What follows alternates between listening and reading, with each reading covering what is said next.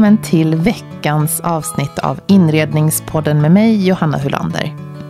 Den här veckan firar podden ett helt år och det firar vi genom att välja ut de mest lyssnade delarna från de drygt 50 avsnitten som hittills är sända. Som ni vet så krävs det en hel del arbete med att driva en intervjupodd på egen hand. Jag startade redan våren 2018 med att planera för Inredningspodden och ansökte om varumärkesskydd till PRV.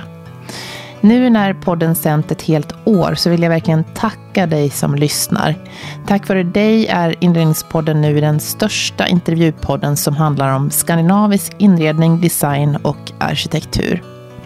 Och jag vet att ni lyssnar över hela världen. Från Australien, Kanada, Frankrike, Danmark och ganska många i Helsingfors. Så tusen tack till dig som lyssnar varje vecka.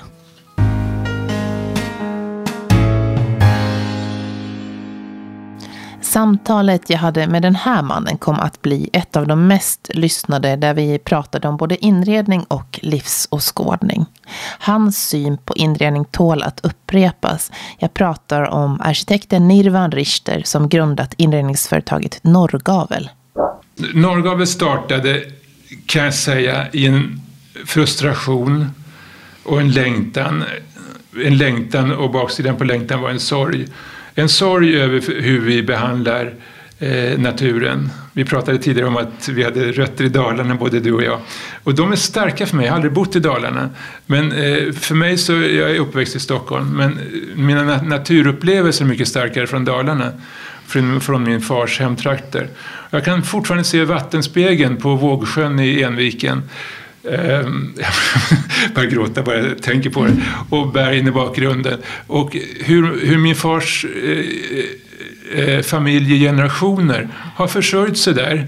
Eh, ofta med mycket motstånd, kalla vintrar och svårt att, att få hela verksamheten att gå runt. Liksom odla linet på åkrarna, eh, har blötlagt linet, och gjort alla garnförberedelser och vävt och vävt trasmattor, vävt handdukar som jag har levt med hela min uppväxt och fortfarande har kvar. Mm. Eh, och sen när de inte finns kvar längre så liksom lägger man ner dem på komposten och så återgår de till, till jorden igen. Och det har varit ett slags rättesnöre för mig. Alltså jag, det är så oerhört värdefullt det här. Och det är så, det är så skört också. För det, det som är... Det värsta med naturen det är att den är så, den är så omhändertagen. Den är så, vi kan göra så mycket våld på den utan att det märks. Och när det börjar märkas då har det ofta gått nästan för långt. Alltså. Och då är det, så, det finns många sådana här irreversibla processer som inte går att ta tillbaka. Liksom. Det syns inte om det ligger en massa plastpartiklar i botten på en, en insjö i Dalarna. Det syns först efter kort tid när det kommer in, in i näringskedjorna på gäddorna och på mörtarna och alltihopa. Och så kommer det vidare i hela, hela kretsloppet. Liksom. Och det, det är fruktansvärt destruktivt och onödigt. Och jag har haft en övertygelse hela tiden om att det behöver inte vara på det viset. Det finns smarta sätt och nu äntligen jag hade nästan inte trott att jag skulle få uppleva det. Jag är typ 65 nu snart. Eh, men jag är så glad liksom att det känns som att även om det är långt kvar förvisso, det är mycket ord och lite handling fortfarande, men det finns i alla fall en medvetenhet som sprids mycket mer nu. Och det börjar hittas lösningar. Smarta människor som vill göra gott ifrån sig och som har eh, kapacitet i olika riktningar ägnar sina liv åt att hitta lösningar. Och jag är helt övertygad om att det går att leva ett jättebra liv på den här planeten i samklang med naturen. Och då är det fullkomligt idiotiskt att vi har energislag och eh, produktionsprocesser och förädlingsprocesser med syntetiska produkter som inte går att komma tillbaka till naturen. Det, det är dödfött och det var en stor både ilska och sorg hos mig att det var på det viset. Och min längtan var liksom att hitta ett sätt liksom att, att visa att det är klart att det går. Det är klart. Jag kommer ihåg upplevelsen när jag började med snickeri då så var jag uppe hos min eh, faster, bodde kvar på min fars föräldragård där. Och i tvättstugan eh, så låg det eh, en, en hög med, så, såg ut som kaffeved ungefär. Liksom. Och så, det var en, en tredjedel stol ungefär. Och sen så skulle jag lära mig snickeri efter arkitektutbildningen. Då tog jag med mig den där stolen eh, och tog med mig två andra stolar också. Tänkte liksom att jag kanske har tre stolar kanske jag kan få snickra ihop, så plocka bitar. Liksom så och så kom jag till en snickeri, en eh, slöjdutbildning då. Och så fick jag lära mig liksom, nej men du behöver inte, du kan få tre stolar av det där. Och hur är med, med eh, de här trämaterialen, kunde liksom ska, eh, skarva på ben och byta ut spjälor, och sätta en ny sits på. Och så blev det som nya möbler liksom. Och för mig det var det en fullkomlig aha-upplevelse. Att det går liksom att skapa liv i, i saker och hålla och få dem uppdaterade igen liksom i sin, i, i, sin kompletta form. Och då tänkte jag så vill jag jobba.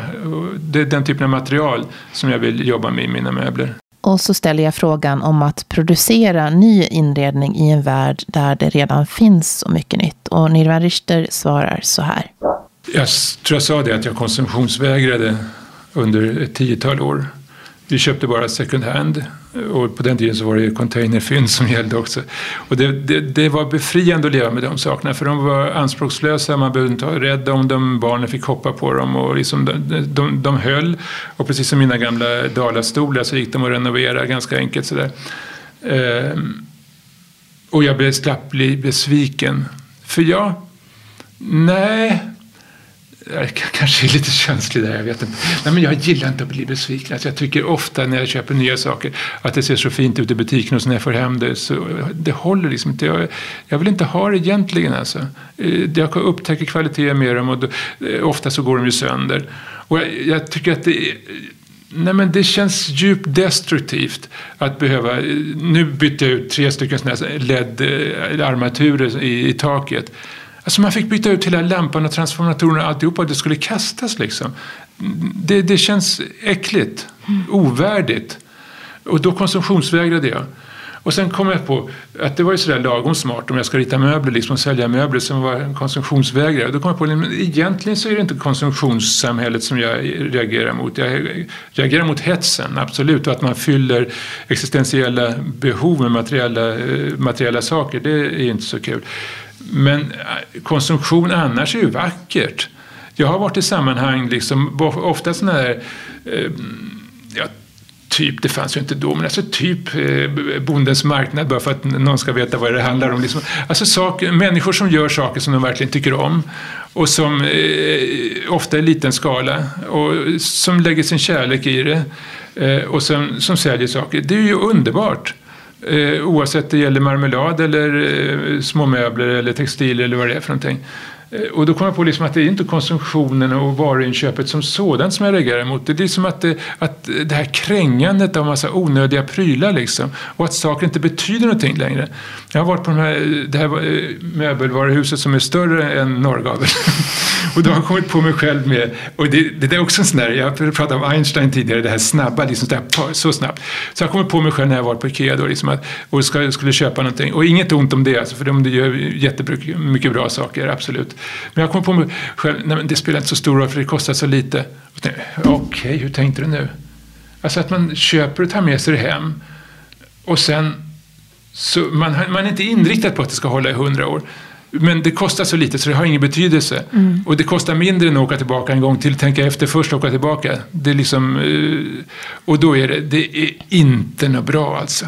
Det är inte, inte, inte bra. Mm. Om man tittar på ett ytligt sätt så är det naturligtvis att det förstör naturen. Det är självklart. Men det finns en mycket djupare aspekt av det också. Det är motsatsen till ett värdigt liv. Och ett värdigt liv är vi värda allihopa. Vi har potential till det allihopa. Och det här konsumtionssättet det är destruktivt för oss. Det är inget bra alltså. Det är motsatsen till att, att eh, jag, tänker, jag brukar säga att det vackraste ögonblicken i, världen, i livet det är liksom när ett barn kommer till, till liv. Alltså det är liksom bara shit när, när, barnen har fötts. Liksom. Och den, om man ska rela, rel, relatera till någonting, det är smärtsamt självklart. Men alltså, det är någonting så, det är någonting så överväldigande vackert och som bara går rakt in i djupet på oss själva. Och om man sätter en sån här ytlig konsumtion i förhållande till det, det, inte, det, det hör inte ihop. Och jag vill att konsumtionen ska höra ihop med barnafödandet. Det är inte olika kvalitet. Och inte, det är inte skillnad på att driva ett företag heller. Det ska finnas samma kvalitet som i barnafödandet, i företagandet också. Det, det är viktigt. Och inte, det handlar inte om att sitta på höga hästar och vara perfekt, för det är ingen av oss som är perfekt i livet. Men det handlar om att, att eh, på sätt ändra infallsvinkel och göra saker, alltså ta dem på allvar utan att ta dem på allvar. Mm. Det fick jag lite att tänka på. Okej. Okej. Det behöver ju inte vara fel.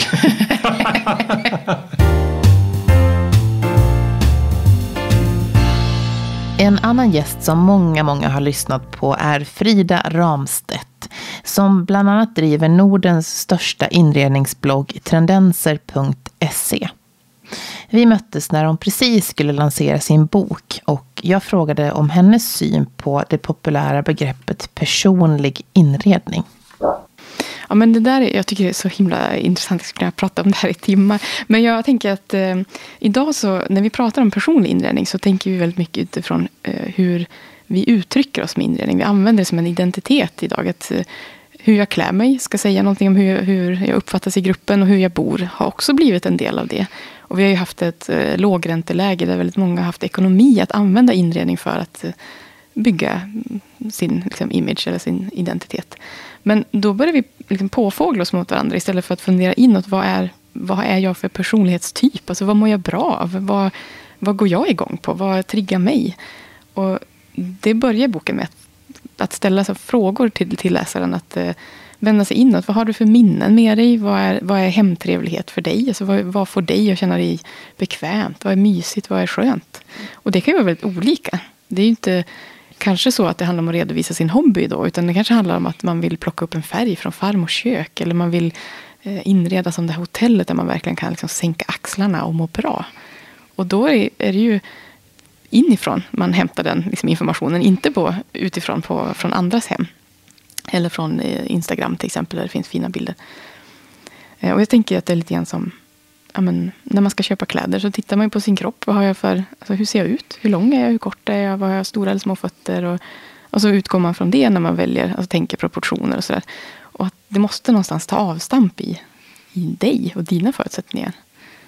Och då har du gjort en, där kan man också se hus, olika ja, husstilar. Ja. Precis, jag får en väldigt vanlig fråga som jag får. Det handlar om att hur ska jag få ihop helheten i mitt hem? Eh, och då tänker jag återigen lite grann det här med, med kroppsjämförelsen. Att vi har ju ett hus eller en bostad att utgå ifrån. Alla bor ju inte i villor, men vi har, alltså någon form av yttre kropp har ju huset. Och arkitekten har ju tänkt så här att nu, det här är ett hus eh, med högt i tak av en anledning. Eller här har vi valt att göra en gillestuga av en anledning. Vi har ju oftast liksom en baktanke med hur vi ritar de här modellerna. Eh, och då kan det vara ganska skönt att jobba med det istället för motströms och försöka motarbeta grundförutsättningarna. Och då gjorde jag en tidslinje över eh, hur svenska villor har sett ut över tid. Och jag valde villor för att jag tänker att det är lite, lite lättare än flerbostadshus. Eh, och så gick jag igenom kök, golv, badrum, tapeter, vad var vanligt för färger. Alltså det var så kul. Det var det roligaste kapitlet för mig att skriva. För att jag lärde mig så himla mycket om, om, om hur vi bor. Och hur man har tänkt genom olika perioder. Tycker du att vi, är, att vi inte tar till oss det tillräckligt mycket? Um, I Sverige? Nej, men alltså, det är ju hårt att säga att vi inte tar till oss det. Men jag tror att vi har också blivit väldigt upprymda av den här möjligheten att köpa saker. Att vi, eh, vi har ju aldrig upplevt någon kris eller något krig eller någon, liksom, någonting jobbigt i vår generation. Utan vi har ju haft det väldigt väl förspänt eh, sett till hur Sverige har det. Och, och, vi har ju haft alla möjligheter att gå all in i det här eh, självförverkligandet med hemmet. Men någonstans så tror jag att vi då också tappar lite respekten för vad bostaden faktiskt ska vara för någonting. Det är ju vårt, vårt hem och vår borg. Det är där vi ska börja och avsluta dagen. Och där ska vi ta hand om oss själva. Eh, inte bara eh, spegla oss. Och sen då säga, det är inte att det är fel att vilja spegla sig eller att det är fel att vilja använda bostaden som identitet. Men jag tror att om vi vill få ihop helheten till exempel kring vår inredning så kan det vara lite lättare för en. Man gör det lite lättare för sig själv om man tittar på vilken hustyp bor jag i? Vad har jag för förutsättningar? Eh, om jag inte har högt i tak, men då kanske jag inte kan köpa jättehöga möbler eller ha vissa typer av inredningsdetaljer. Eh, om jag bor med lågt i tak så har jag andra möjligheter att, att jobba med det. Och då tror jag man får lite hjälp av bostaden om man använder sig av den.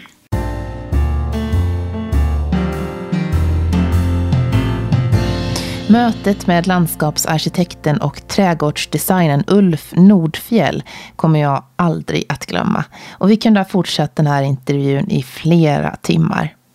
Jag kallar honom Sveriges haute couture-designer när det gäller trädgård och landskapsarkitektur. Han är världsberömd för sina skapelser och även för sina priser i Chelsea Flower Show. Men lite av en doldis i Sverige.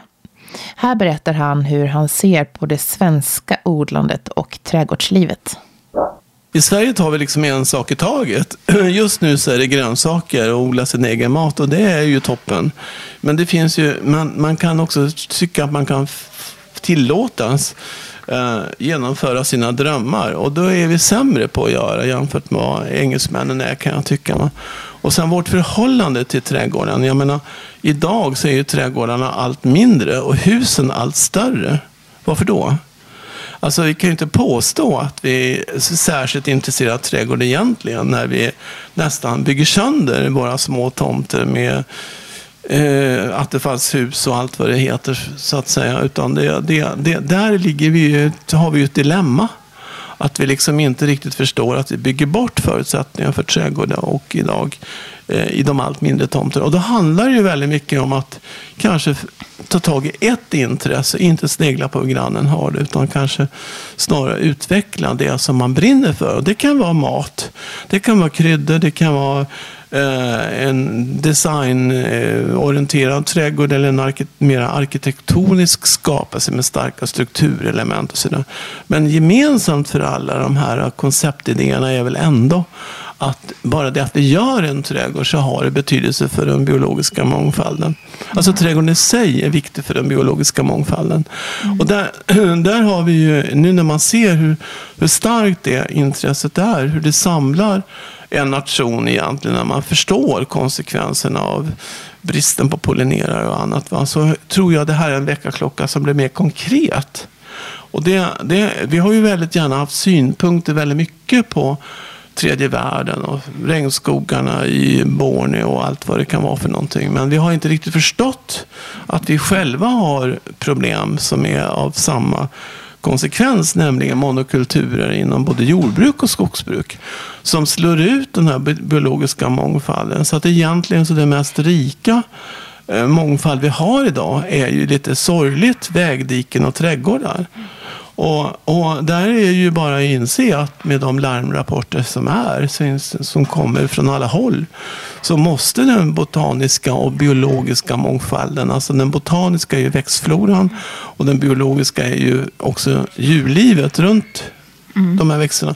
Det är ju väldigt viktigt att det, att det verkligen utvecklas, att vi tar ställning för den biologiska mångfalden. Mm. Och då in, blir ju konsekvensen det att om vi ska ha ett levande landskap som är vår nationella identitet, ett öppet landskap, så måste vi också förstå att det kostar. Det kostar pengar att producera mat på de villkoren. Och det är vår absoluta skyldighet för kommande generationer att se till att vi har ett landskap som ger det vi behöver. Mm. Vi ska inte räkna med import i framtiden och sådana saker. Och det här är ju allvarliga saker. Och många länder, så eh, jag kan nog tänka mig också ett, mm, Storbritannien till exempel utifrån ett perspektiv, är väldigt stora importörer. Men de är väldigt självförsörjande när det gäller växtligheten. Nästan allting de använder sig av i Storbritannien är producerat av lokala plantskolor och det är också köpt av de som bor i England och Storbritannien. Det, vi är inte lika noga. Mm. Vi, vi förstår inte att vi ska anpassa oss efter det som vi har tagit fram. Vi har ett fantastiskt e-material som är framtaget inom SLU i samarbete med alla branschorganisationer och så vidare. Och det är en början till en bra kollektion på buskar och träd och klätterväxter och nyttoväxter. Fruktträd och bär och buskar. Som är för privatpersoner Som är för privatpersoner mm. som finns och som är märkt med en etikett e-planta. Vilket betyder att det i princip är säkerställt härdighet, blomning, fruktsättning, höstfärg och allt det här som vi tycker är väsentligt. Och som också är markerat så vi vet om det går att odla i Haparanda eller och kanske också hela vägen är värdefullt även nere i Skåne. Och det här är viktiga saker. Och det finns också för kulturväxter en annan märkning som heter POM. Och det står för programmet för odlad mångfald. Mm -hmm. Som också är iscensatt av SLU. Och det kan vara om man har ja. en gammal trädgård? Ja, det är gamla, man kan säga gamla kulturväxter som gör sig lika bra i nya trädgårdar som i gamla trädgårdar. Men de är dokumenterat kunniga, värdefulla ur blomning och härdighet och friskhet och allt upp det där. extremt viktigt material och också som märks som grönt kulturarv i plantskolan. Så det, bara det här är liksom två tydliga markörer på hur vi kan stimulera svenska plantskolor så att de överlever, helt enkelt.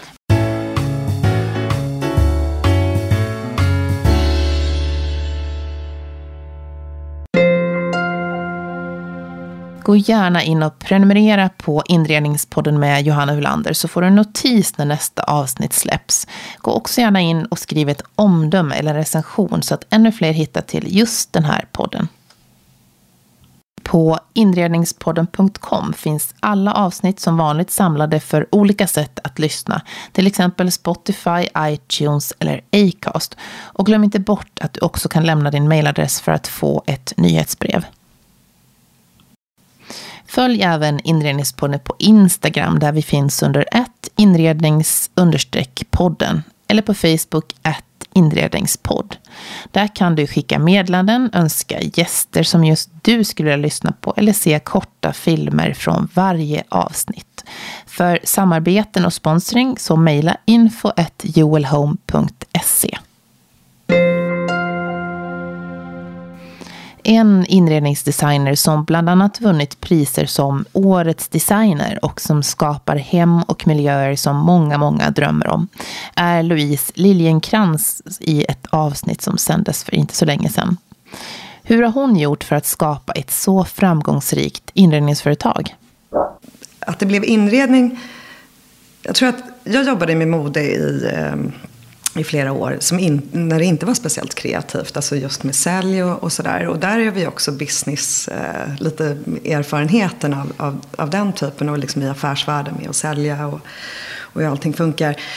Och också eh, slit. Det är också en viktig faktor i att bygga ett företag. Att man är beredd att verkligen slita.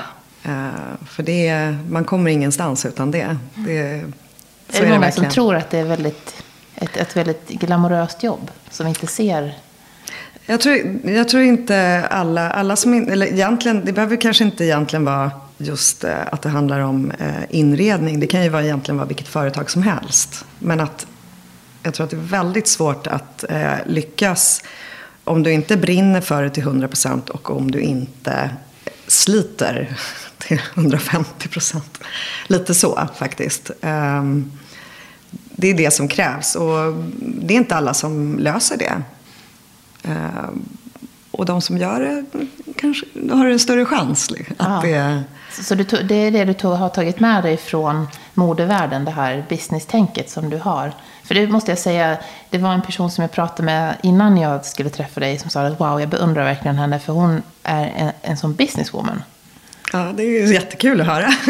ja, men det är ju, det, för det är ju många mm. som, eller många, men det, det, är ju en hel del människor som jobbar med inredning som inte tjänar pengar. Och som, som eh, ja, så, att eh, det är ju, menar, för att kunna utvecklas så måste man ju driva ett framgångsrikt företag då. Ja, och det det är ju så många faktorer i det, hur man ser att man bygger upp ett företag. Vi har ju valt att gå en ganska smal väg eh, egentligen. Eh, men tänker mer långsiktigt. Eh, och det är ju någonting vi tror på att göra.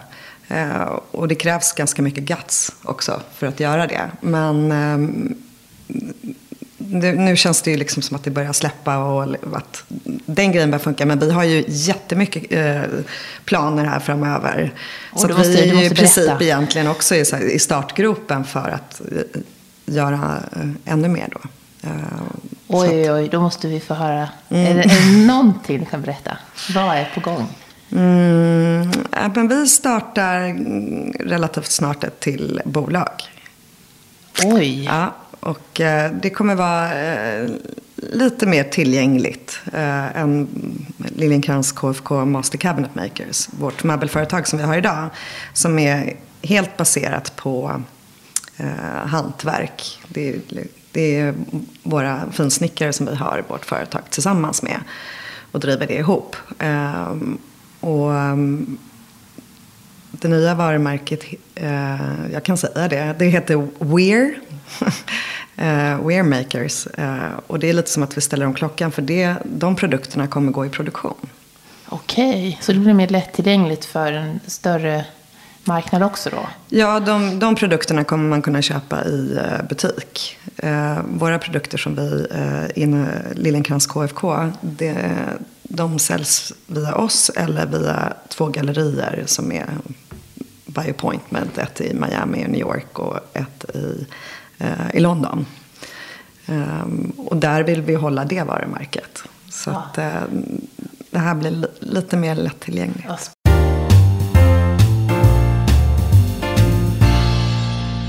En annan framgångsrik kvinna samtalar jag om med Tommy Bindefeld, marknadschef och kreativt ansvarig på Svensk Tenn. Jag talar såklart om Estrid Eriksson och vi pratar bland annat om det samarbete som hon startar med Josef Frank som kom att bli ett livslångt och mycket lyckat samarbete. Men det, det finns något eh, fantastiskt citat som jag älskar och det är att, att eh, hon, hon, nej, han, han, gör allt som hon önskar och hon accepterar allting som han gör. Det måste vara en perfekt kombination i ett samarbete.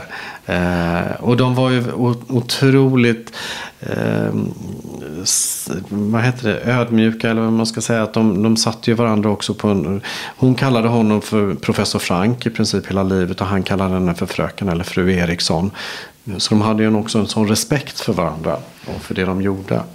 Och hon var ju mera som den som Ja, men om man skulle kalla henne för stylist eller för den som, som satte samman. Hon ju, skapade miljöer, skapade inne, skapade plattformen för att visa upp Franks produkter. Och hon var ju den affärsdrivande i det, så han gjorde ju det som hon önskade. Och eh, sen satte hon ihop det och, och skapade miljöer runt omkring det.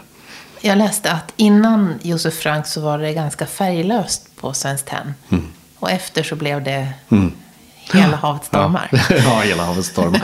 Men när vi, eh, om man tittar på gamla bilder och, och, man också tänker på den tiden. För 1930 var det världsutställning i Stockholm. Det var ju liksom piken på funktionalism och, och, modernism egentligen. Och det var, eh, hon var ju i tiden. Hon gjorde precis det som skulle vara då. Hon gjorde så här otroligt sofistikerade sparsmakade inredningar. Men hon adderar alltid någonting som var lite en twist till det. Det finns någon, någon eh, miljö från eh, ett, ett, sovrum som hon har gjort där man ser så hon lagt en, en, jag vet inte men jag tror att det är en kaninfäll över eh, sängen som är jättestram. Så hon gjorde, tog in någonting mjukt och det uppmärksammades för att det var så annorlunda då. Men sen när, när Frank kom så, så blev ju de som i symbios. Jag tror att han påverkades såklart av hennes eh, estetik. Men hon påverkas ju jättemycket. Det finns också bilder från hennes hall där man kan se före och efter Frank. Och det är två helt olika rum. Eh, ser det ut som. Men, det, men hon, hon, tog med sig verkligen det här. Eller hon fick till sig den, verkligen det här värmen och mönster och, och rikheten som finns i Franks formgivning. Ja, de skapade, Josef Frank hade, har ju formulerat en, en filosofi som man kallar för accidentism. Eh, om man skulle översätta det så kanske det blir som om av en händelse. Att det ska kännas som att det, det inte är arrangerat, det ska vara tillåtande, det ska vara enkelt, man ska kunna flytta runt saker och så här. Och, och de två tillsammans skapade, hon kallar det för sin inredningskatekes där hon förklarade hur man, hur man ska inreda men för dem var det, eh, det viktiga var liksom att det var personligt. Att man tog de sakerna man tyckte om och man ställde dem tillsammans så blev det vackert. Man kunde blanda det som man har ärvt och man kunde ta in äkta mattor. Man, egentligen så, så som man ser Svenskt Tenn i Svenskt eller som man ser Josef Franks formgivning på Svenskt Tenn idag, så är ju egentligen inte enligt inredningsfilosofin, för då skulle man ju blanda in antikviteter och modern formgivning. Det skulle vara mycket mer eh, en blandning av olika saker, men vi är ju en butik, så vi visar ju det på det sättet. som mm. det vi har en inredningsateljé och de arbetar väldigt mycket utifrån det när de gör privata hem eller inredningsuppdrag. De gör ju verkligen så som Frank har sagt, att blanda med det gamla och nya saker. Mm. Och sen hennes arbetsrum står ju intakt här uppe i mm. tesalongen. Mm. Där var det ju, är det ju lite så, mm. blanda hit och dit. Mm. Och, ja, men ja. där ser man hennes eh, estetik, hur hon blandar olika saker. Hur hon har, eh, ja men där ligger det i lådorna, ligger det blandat eh, ädelstenar med plastkulor. Och, och på hyllorna står både högt och lågt verkligen mycket inspiration från Asien och det som de kallar för orientalismen och det här att man, man tog in andra kulturer var väldigt viktigt för dem båda två.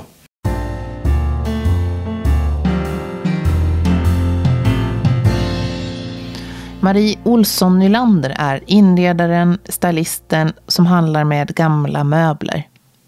Det hon berättar om sitt och sin familjs liv ger ett perspektiv på livet och vad som är viktigt. Och det här avsnittet blev ett riktigt favoritavsnitt hos många av er som lyssnat. Men en sak som jag tänkt på. Min pappa brukar alltid säga det här. När bilen går som bäst, då ska du sälja den. Och det är ofta så när det, går, när det är för mycket och för fort och det går för bra. Och det tänker jag jätteofta på faktiskt. Då, då ska man se om sig. Så, sen så blir jag ju sjuk. Så att um, Sen vet man ju inte om vad det var det, men det är bara något, jag tror på den grejen. Mm. Så sälj bilarna ni som har sådana små klockor där ute. Mm. Mm. Och köp en begagnad. köp en annan. Så får, så får nästa, nästa ta den sen den rasar. Nej men det är lite skämt åsido med den. Ja. Mm. Är det också ett råd du ger till de som ska renovera? Jag tänker att om man ska renovera så renovera så lite ni kan. Faktiskt. Och det kanske tycker jag är helt... Alltså säger jag det så sitter jag här och har ett hus på Sicilien. Men det är ju faktiskt inte här. Och, och vi har ju andra som gör det till oss. Och vi, jag ska bara jobba ihop så att vi kan liksom betala den här fakturan. Och det har vi aldrig kunnat göra. Det känns jättelyxigt och jättekonstigt. Um, för att när man sitter själv i hantverkaren så har du ju alltid det liksom vi har aldrig haft skåp som går att stänga, sånt där som alla andra vill ha. Tänk, åh vad lyxigt att vara kund till oss, brukar jag och Bill tänka. De får så här fint kök. Ja. Så, så, så själv så håller man på liksom att det blir aldrig klart. Men...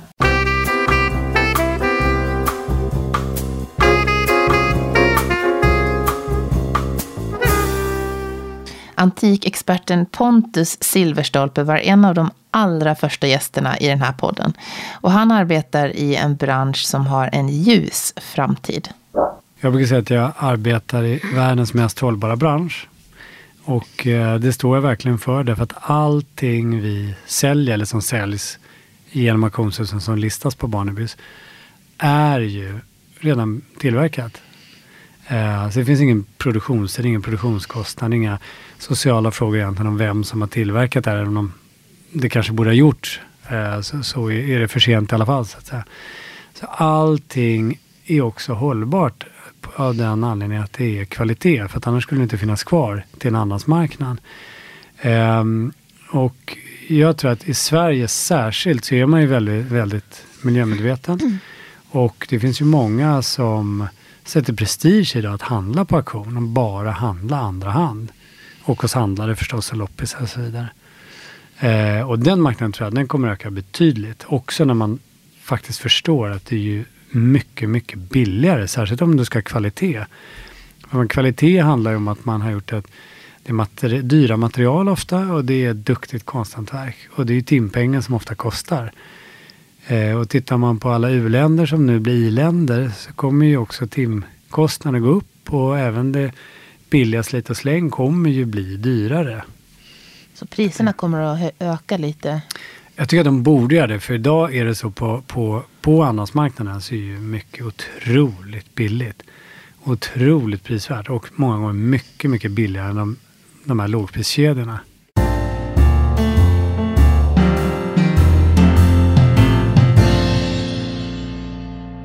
Avslutningsvis får en annan expert berätta en makalös historia.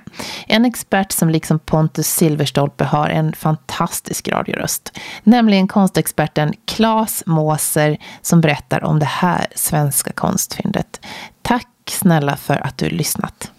Mitt intresse för Acke gjorde att eh, Acke-släkten släkten eh, bad mig om hjälp att hjälpa en stackars Eh, övergiven kvinna i en Stockholmsförort som hade ärvt en rulle tavlor som hon tyckte så intensivt illa om för att allting var målat av blåmålaren Eugen Jansson.